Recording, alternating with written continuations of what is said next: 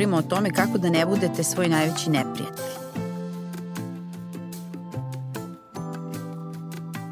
Ja evo ne znam, mislim to mogu i vas dve da pitam, ali ja do sada nisam upoznala osobu ni kroz psihoterapijsku praksu, ni kroz neko svoje prijateljsko okruženje, niti sam sama ta osoba koja je stvarno naučila nežno da priča sa sobom. Kada bismo mi pričali sa drugima onako kako pričamo sa sobom, ja mislim se niko ni kim ne bi družio.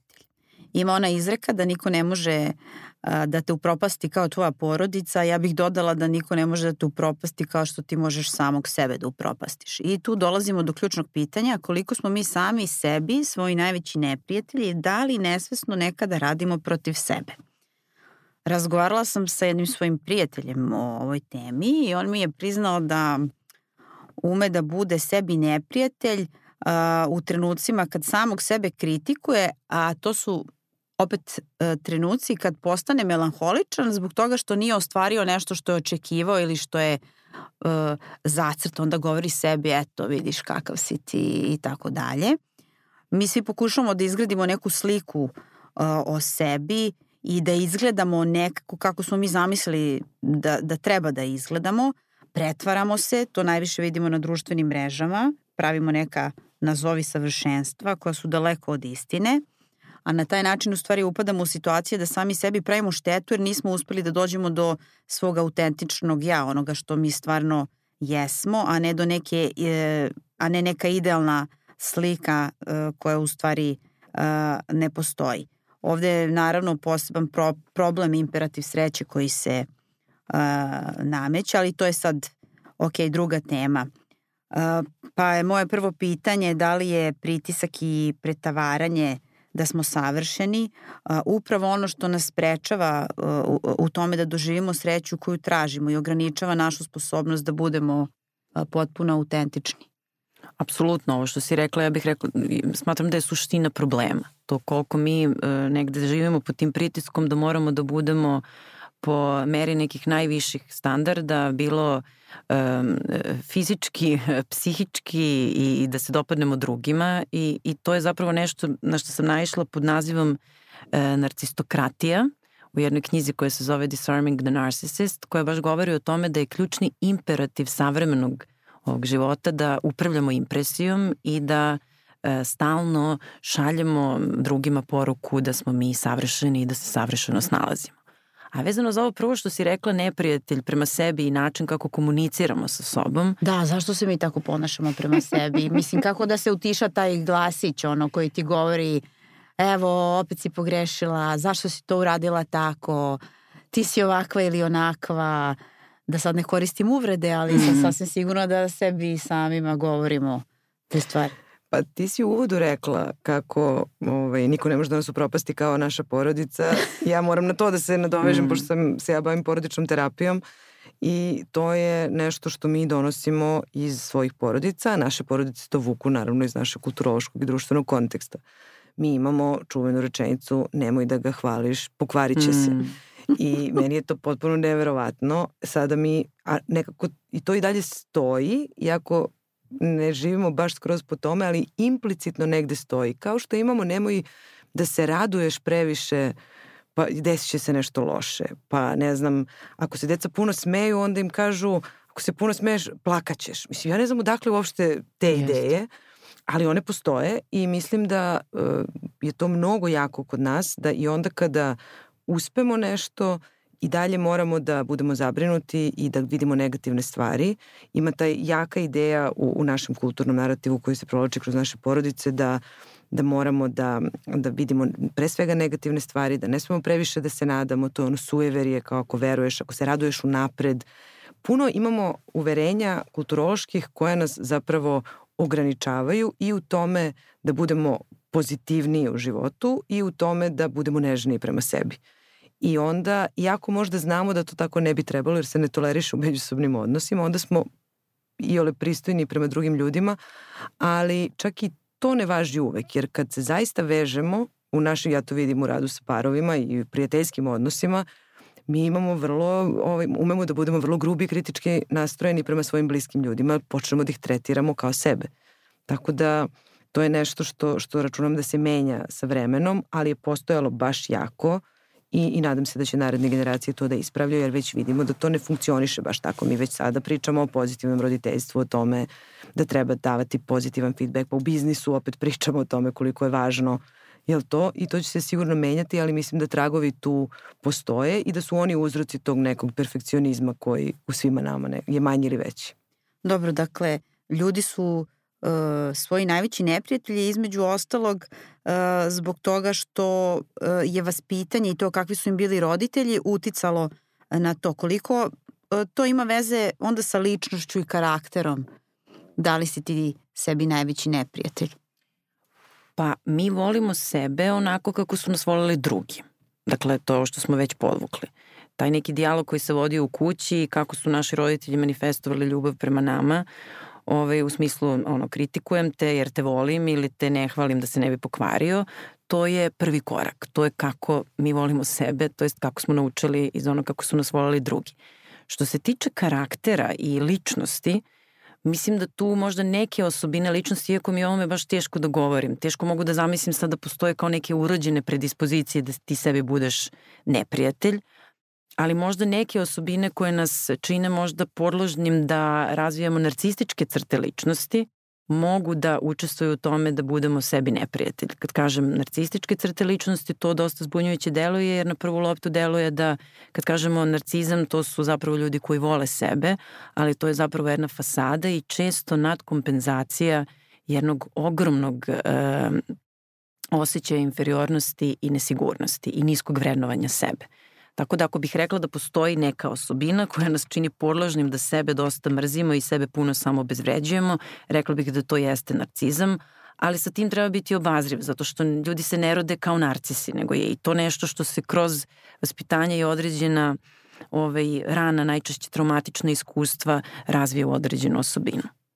A šta sebi uh, rade i govore ljudi koji su sami sebi neprijatelji? Ovo namerno pitam da bi se razumelo šta ne bi trebalo raditi sebi, šta ne bi trebalo govoriti sebi. Šta mm. je to što je pogrešno? Pa etiketiranje. Pre svega mm -hmm. etiketiranje i vrednovanje sebe kroz prizmu nekih uh, pojedinačnih izolovanih slučajeva ili postupaka. To najjednostavnije znači kada govorimo iz ugla racionalno-emotivno-behavioralne terapije kojom se ja bavim, da uh, uzmemo jedno postignuće ili, ili neki propust koji smo napravili i onda na osnovu toga zaključimo da mi celi valjamo ili ne valjamo. I kada pričamo o samoobezvređivanju i tom neprijateljskom ovaj, razgovoru sa sobom, ista je stvar i kada sebe glorifikujemo na pozitivan način. To je ista vrsta logičke greške u razmišljanju, jer ti nisi ni bolji od drugih kada nešto uradiš dobro, ali isto tako nisi ni gori od drugih kada nešto uradiš loše. I zapravo taj neki napor koji nije lak, jer je i sredina i kultura tako podešena da nas uči crno-belom razmišljanju ali taj napor koji napravimo da razumemo da mi nismo ni crni ni beli, nego smo prosto pogrešivi, je prvi korak u samoprihvatanju i razumevanju da ti si okay čak i kada grešiš. A ono što ljudi najčešće sebi kažu, glup sam, e, idiot sam, kako mi se ovo desilo, ovo nije smelo da mi se desi i onda zapadnu u to jedno preterano bavljanje sobom i sobstvenom vrednošću, što im dodatno oteža da zapravo nešto nauče iz samog ponašanja. Tako da je poenta vrednovati ponašanje i stvarno reći ovo je baš bilo glupo ponašanje, ali ne znači da sam ja glupa zato što sam se tako ponašala, jer to je samo jedan izolovan slučaj u moru nekih stvari koje ja radim i dobro i loše. Pa da, iz grešaka se između ostalog i uči. Tako je. Ima tu jedna stvar koja je isto uh, važna vezano za porodični život i za odrastanje i što posle radimo sebi, a to je poređenje. Mm. To često roditelji rade deci i onda mi to nastavimo da radimo iako posle se više ne poredimo. Ja nikad neću zaboraviti kad sam bila mala da je bio neki dečak koji je pre mene počeo da čita ovaj, filmove je gledao sa titlom. Ja sam znala da čitam, ali nisam mogla dovoljno brzo. Ja to ni, neću zaboraviti, ja nisam zbog toga se ubrzala, ali znam koliko me je to zabolelo i koliko je sigurno onda bilo još nekih drugih poređenja koja, koja su bila tako nepotrebna u stvari i koja čine da mi ne procenjujemo sebe na osnovu sobstvenih mogućnosti i kapaciteta, nego na osnovu toga šta gledamo u nekim drugim ljudima. I to je vrlo opasno i tu smo sebi neprijatelji kada, kada na taj način razmišljamo razmišljamo, da želimo nešto što neki drugi ljudi imaju ili mogu, a ne razmišljamo šta je ono što mi zapravo možemo, jer u ostvarenju sobstvenih kapaciteta leži ključ, naravno, a ne u oponašanju. Ali to sad ima veze s ovim imperativom sreće i um, baš sam pričala sa koleginicom o tome I, I kad gledate društvene mreže vi vidite tamo ono neke fotografije da je kao svima super i tako dalje. To je jedna lažna slika, ali ljudi negde znaju da to nije baš mm. uh, tako, ali ne mogu da, da, da iskoče iz tog nekog uh, obraca poređenja Tako i, je. i, i govori sebi eto vidi kao vidi ovi šta radi, vidite mm. gde je bio, vidi samo putovanja, ne znam, jeo je u ovom restoranu, svaki dan je u drugom restoranu, svake nedelje u drugoj državi i tako dalje. Ljudi ne mogu da se ne porede. Zar nije na neki način i prirodno porediti se sa drugima, ali gde je kao ta neka uh, uh, mera da ti ne bi bio sam sebi neprijatelj? Da, pa vidi, društvene mreže su sjajan teren za vežbanje socijalnog upoređivanja i to je ono gde se mi najviše merimo. Mislim, imamo i metriku za to da budemo onako vrlo ovaj, konkretni. Znači nešto okačiš koliko lajkova. Ja mislim da je socijalno upoređivanje u, u neku ruku i paradoks, zato što mi u isto vreme se konformiramo i takmičimo. Mi pokušavamo da se, da budemo isti kao drugi, Znači da isto idemo recimo na putovanja, da kačimo lepe obroke, da budemo zgodni. Znači tu pokušavamo da budemo isti, to je taj deo konformizma, a onda opet s druge strane se takmičimo, a to znači da budemo bolji. Tako da to je baš jedna mentalna konfuzija kad pričamo o socijalnom upoređivanju.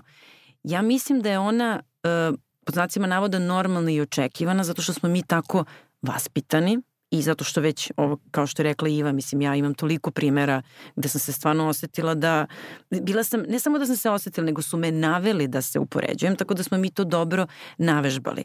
Ja mislim da treba da napravimo razliku gde treba da se upoređujemo, gde to ima smisla, a gde nema smisla. Tipa, ako ja hoću da, da ono, evo recimo to je dobar primer, hoću da budem što bolja u skijanju, što je nešto s čim stvarno imam u, u poslednje vreme problem. Daj da se uporedim sa nekim ko može, gde iz tog upoređivanja mogu nešto da naučim. Da taj standard bude nešto što će meni koristiti i motivisati me da ja ovladam tom veštinom. Ta vrsta upoređivanja je korisna. A ovo socijalno upoređivanje daj da ja vidim gde je neko, pa da onda okačim da ja isto tako, ali malo bolje, mm -hmm. to, ja, ne, ja ne znam da se iko ikad od toga osetio bolje. Možda se kratko osetio bolje, ali suštinski ništa mi iz toga ne naučimo. To je dakle. čisto upravljanje impresijom. Dakle, šta hoću da kažem? Upore, upoređivanje ima smisla u kontekstu upravljanja performansom. To je nešto gde hoćeš nešto da radiš bolje. A tamo gde mi upravljamo impresijom, to ničemu ne služi. Ti si za neko kratko vreme možda bio dopadljiviji, ali šta imaš od toga? Nemaš bog zna šta. Pa da, i može da nam izazove negativne emocije. I to je ono gde je opasno. Zato što ako se poredimo, a da to nema nikakvu funkciju, onda se javlja zavist, koja je mm. negativna mm -hmm. emocija i koja ta nezdrava zavist, jer možda bude zdrava ovo što mi ja kaže, nađem neko ko je malo bolje od mene, pa želim da budem takav. U redu je stremiti nečemu što je bolje, ali samo posmatrati druge ljude i zavideti im i smatrati da se desila, ne znam, nepravda što mi nemamo nešto što oni imaju ili to, to neko vrst, vrsta objašnjenja ili racionalizacije vezano za to zašto mi nismo negde gde bi možda trebalo da budemo, a ne preuzimanje odgovornosti zašto smo tu gde jesmo i ne prihvatanje svog sobstvenog jedinstvenog životnog puta, e to je ono gde mi sebi budemo neprijatelji. Kad zapravo ne želimo da budemo tu gde jesmo i ono što jesmo i da radimo sa tim, nego gledamo nešto drugo i kažemo, e, a da samo, da sam ja rođena u Americi, šta bi od mene bilo, bila bi ja, ne znam, kao ova tamo na Instagramu što Kao, je... ne znam, Esther Perel Madonna nije rođena u Americi, nego ne znam u Belgiji valjda, ali da. Da, to je čuvena psihoterapeutkinja. Jest, tako je jest. čuvena psihoterapeutkinja koja se ovaj partnerskim odnosima. E, da, tako da, je, da. da. da pojasnimo. A u čemu je razlika između objektivne i umerene samokritičnosti i, i toga da ste svoj najveći neprijatelj koji je grub, koji vređa, koji povređuje? Mm. Uh, pa razlika je u tome što iz neke zdrave i umerene samokritičnosti ti nešto naučiš i nešto možeš konkretno da staviš u cilj. Dakle, ja sad recimo, ne znam, zdravo sebe samo kritikujem povodom e, načina na koji sam držala neku radionicu i onda iz toga znam da sledeći put ću tu radionicu da uradim bolje nezdrava samokritičnost je ono gde ja sebi kažem ili nezdravi perfekcionizam, možemo to i tako mm -hmm. da zovemo, često se tako ovaj, uh, i, i definiše, uh, gde ja zaključujem da zato što sam loše vodila tu radionicu ili napravila neki konkretan propust, ja sam loš predavač. Dakle, niko nije naučio da bude bolji kad je sebi rekao da ništa ne valja, nego je gledao da se sakrije negde i da ništa zapravo ne nauči, nego samo da preživi. A zdrava samokritičnost je ono gde smo se mi bavili konkretnim ponašanjem, konkretnom situacijom i kritikovali svoje ponašanje, a ne sebe. Sebe ostavimo na miru. Pa to kažu i za decu, da kad dete mm -hmm. uradi nešto uh, loše, ne treba kritikovati dete, nego kritikovati to ponašanje. Tako je. Ne kao ti si loš, ti si bezobrazan, nego ovo što si uradio nije dobro i objasniti zašto nije dobro. Tako? Što, tako je i što dodatno ovaj, e, čini zabrinjavajućem činjenicu da e, mnogi roditelji dan danas se oslanjaju na ono čuveno sram te bilo. A kada je nekoga sram, taj ništa ne nauči. Mm -hmm. Umesto da kažemo mnogo je ružno što si to uradio tako. Mm -hmm. Znači velika je razlika, kvalitativna razlika u poruci koju šaljem. Pa da, evo kad smo kod dece, zašto ne treba praviti ta poređenja? Evo vidiš kako je mala Maja mm. ovo uradila bolje od tebe, ona ima sve petice, a ti imaš dve četvorke. Pa mislim, jedino što ćemo time da postignemo je da nam dete mrzi malu Maju. Bukvalno samo to. Da. da, da. Dobro, do, doživljavanje grešaka sigurno ima veze sa tim ovaj, koliki si sebi neprijatelj i postoji onaj izraz samo nežno prema sebi, a kako da mi ne budemo previše strogi prema svojim greškama, jer greške su takođe važne, već smo rekli, iz njih se uči, međutim neko ih jako teško podnosi i pod ogromnim pritiskom da mu se greška ne desi i onda ako se nešto desi, najmanja neka stvar, bude jako, jako strog prema, prema sebi i neprijateljski nas, nastrojen. Mm. Kako to da, da da izbegnemo da sa tim greškama se drugačije Znaš šta, ja mislim ponašamo. da ovde stvarno treba da budemo ono vrlo otvoreni i iskreni. Ljudi ne vole greške. Prosto ne volimo da pravimo greške. Ja prva ne volim da pravim greške. Ali paradoksalno, ako sebi e, ne dozvoljavamo greške, mi iz njih nećemo naučiti i ponovit ćemo ih. Dakle, Ja, ja to često kažem i svojim saradnicima da ja nisam e, netolerantna na pravljanje grešaka, ali jesam netolerantna na to da ih ne priznamo, da iz njih nešto ne naučimo i onda zapravo ponavljamo greške. Jer ti ako sebi ne priznaš grešku, ti ćeš i ponoviti, što znači da nisi ništa naučio. Tako da, e, e sad kako? Mislim da je to toliko jedna kompleksna tema, um, ali suština je da se zapitamo šta nam je korisno. Da li je nama korisno da grešku gurnemo po tepih ili da um, sebe samo obezređujemo povodom te greške ili će nam možda više koristiti za život da sednemo na tom greškom, da malo pogledamo je i da vidimo šta, kako dalje. A šta saznate na psihoterapiji od ljudi koji su sami sebi neprijatelji? Da li uopšte kada neko dođe pa se žali na ove neke probleme koje smo mi sada spomenuli, da li uh, vi negde kažete aha ova osoba je sama sebi neprijatelj. U stvari smo, svako od nas je na neki način pomalo sam sebi neprijatelj i neki ljudi su u tome baš... Eksperti, da. E, da, ekstremni. Pa da, ljudi umeju to da budu, ja ne, ne koristim baš taj termin sam sebi neprijatelj, ali koristim to da koliko su ljudi nežni ili nisu nežni prema sebi, mm. odnosno ja često sa mojim klijentima pričam o tome koliko kinje sebe. Mm -hmm. To mhm. prepoznajem. To je jedno samo maltretiranje kroz narativ o tome kako su pogrešili, koliko su ispali to glupi, kako su nevoljivi. To je vrlo često nešto što se dešava kada, posebno kada radimo nakon raskida ili prekida emotivnih veza ili u situacijama kad neko dugo ne može da nađe partnera, pa se onda javlja ta priča kao ja sam osoba sa greškom, sa mnom nešto nije u redu, a nemamo nikakve dokaze ili pokazatelje da je to zapravo tako, zato što niko nije na taj način sa greškom, ali tu ljudi umeju zaista prema sebi da budu grubi, sve misleći i to je isto nešto što nas nauče da to kad smo, kad smo oštri, kad smo strogi i kad smo kritični prema sebi, da, će, da je to način da ćemo postati bolji. Mm -hmm. I to je ono što nam se isto,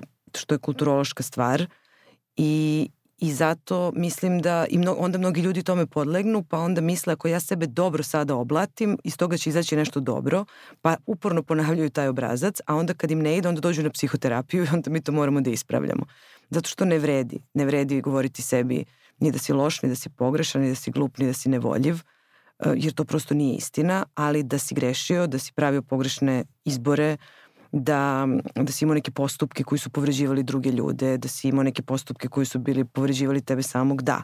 Ali to, ništa, to sve zajedno ne govori da si loša osoba.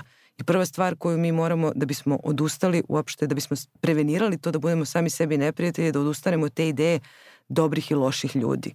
Odnosno tih generalizacija ljudskog ponašanja.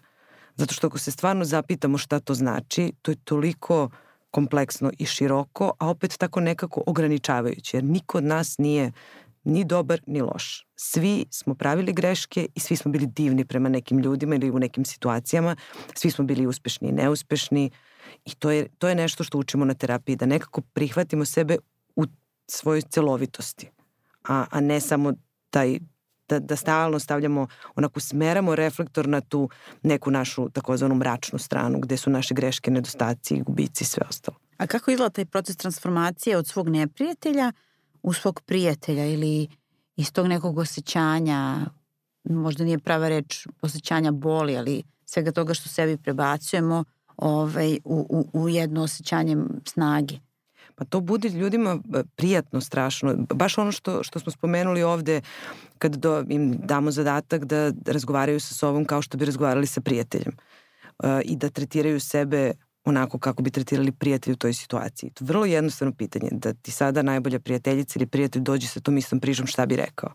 Onda ljudi prvo kažu, ali to nije isto. Ja kažem, ali probaj. U stvari je isto. To je isto osoba koja je neke stvari pogrešila uh, i, i koja jednostavno, ali ima i celu drugu stranu.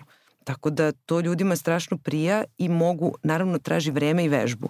Jer sve te stvari, s obzirom na to da su duboko ukorenjene u nama, sva ta uverenja gde mi moramo sebe da kinjemo, da budemo kritični, da budemo negativni, traže da mi to probamo i da to testiramo kroz vreme u različitim situacijama.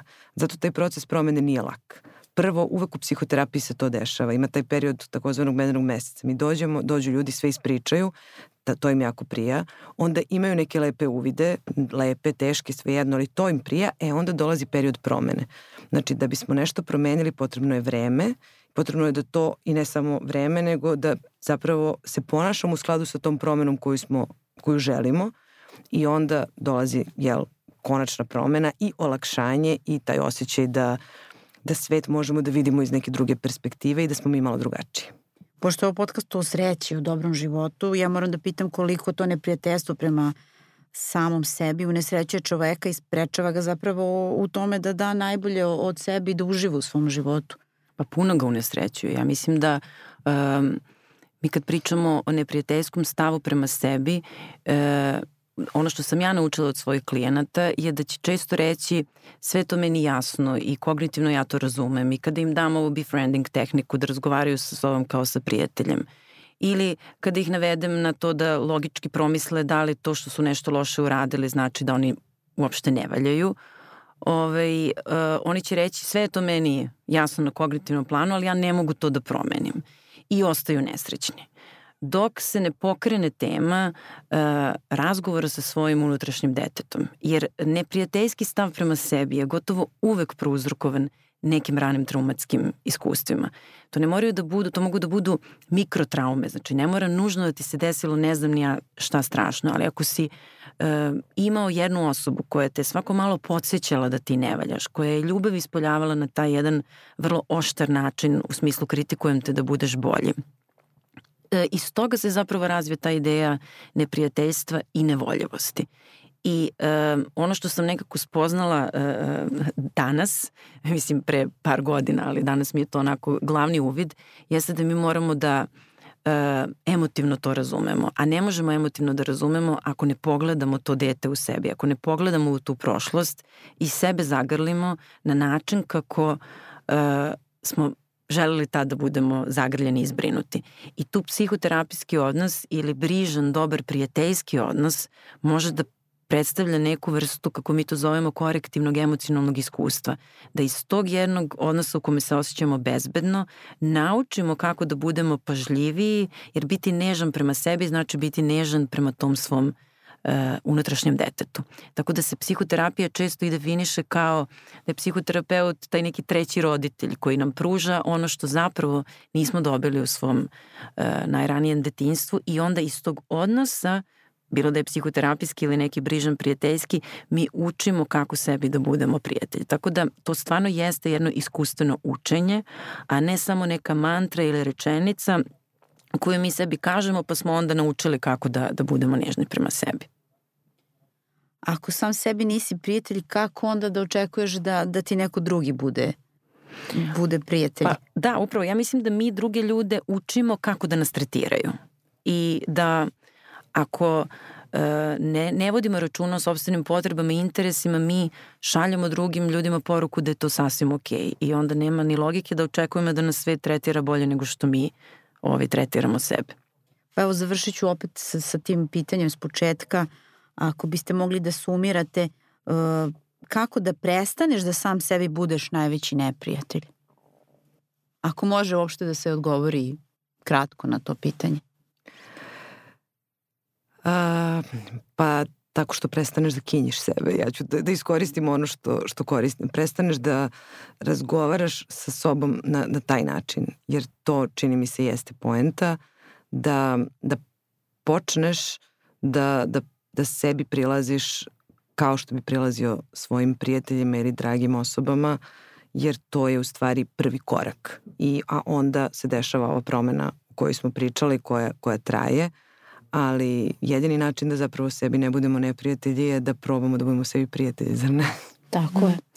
Pa evo ja mogu da, da spomenem jedan domaći zadatak koji često dam svojim ovaj, klijentima, a to je da izvede sliku ovaj, sebe kad su bile mali i da kad god e, viču na sebe, kinje sebe i govore sebi ružne stvari, zamišljaju da to rade tom svom malom detetu pa da se zapitaju da li je to možda ok, jer je to zapravo najsigurniji način da prigrlimo ranjivost, a najranjiviji smo zapravo kad smo deca. Tako da taj unutrašnji dijalog može da se menja, uzmeš sliku, pričaš sa sobom i proveravaš da li je taj jezik u najboljem interesu tog malog deteta.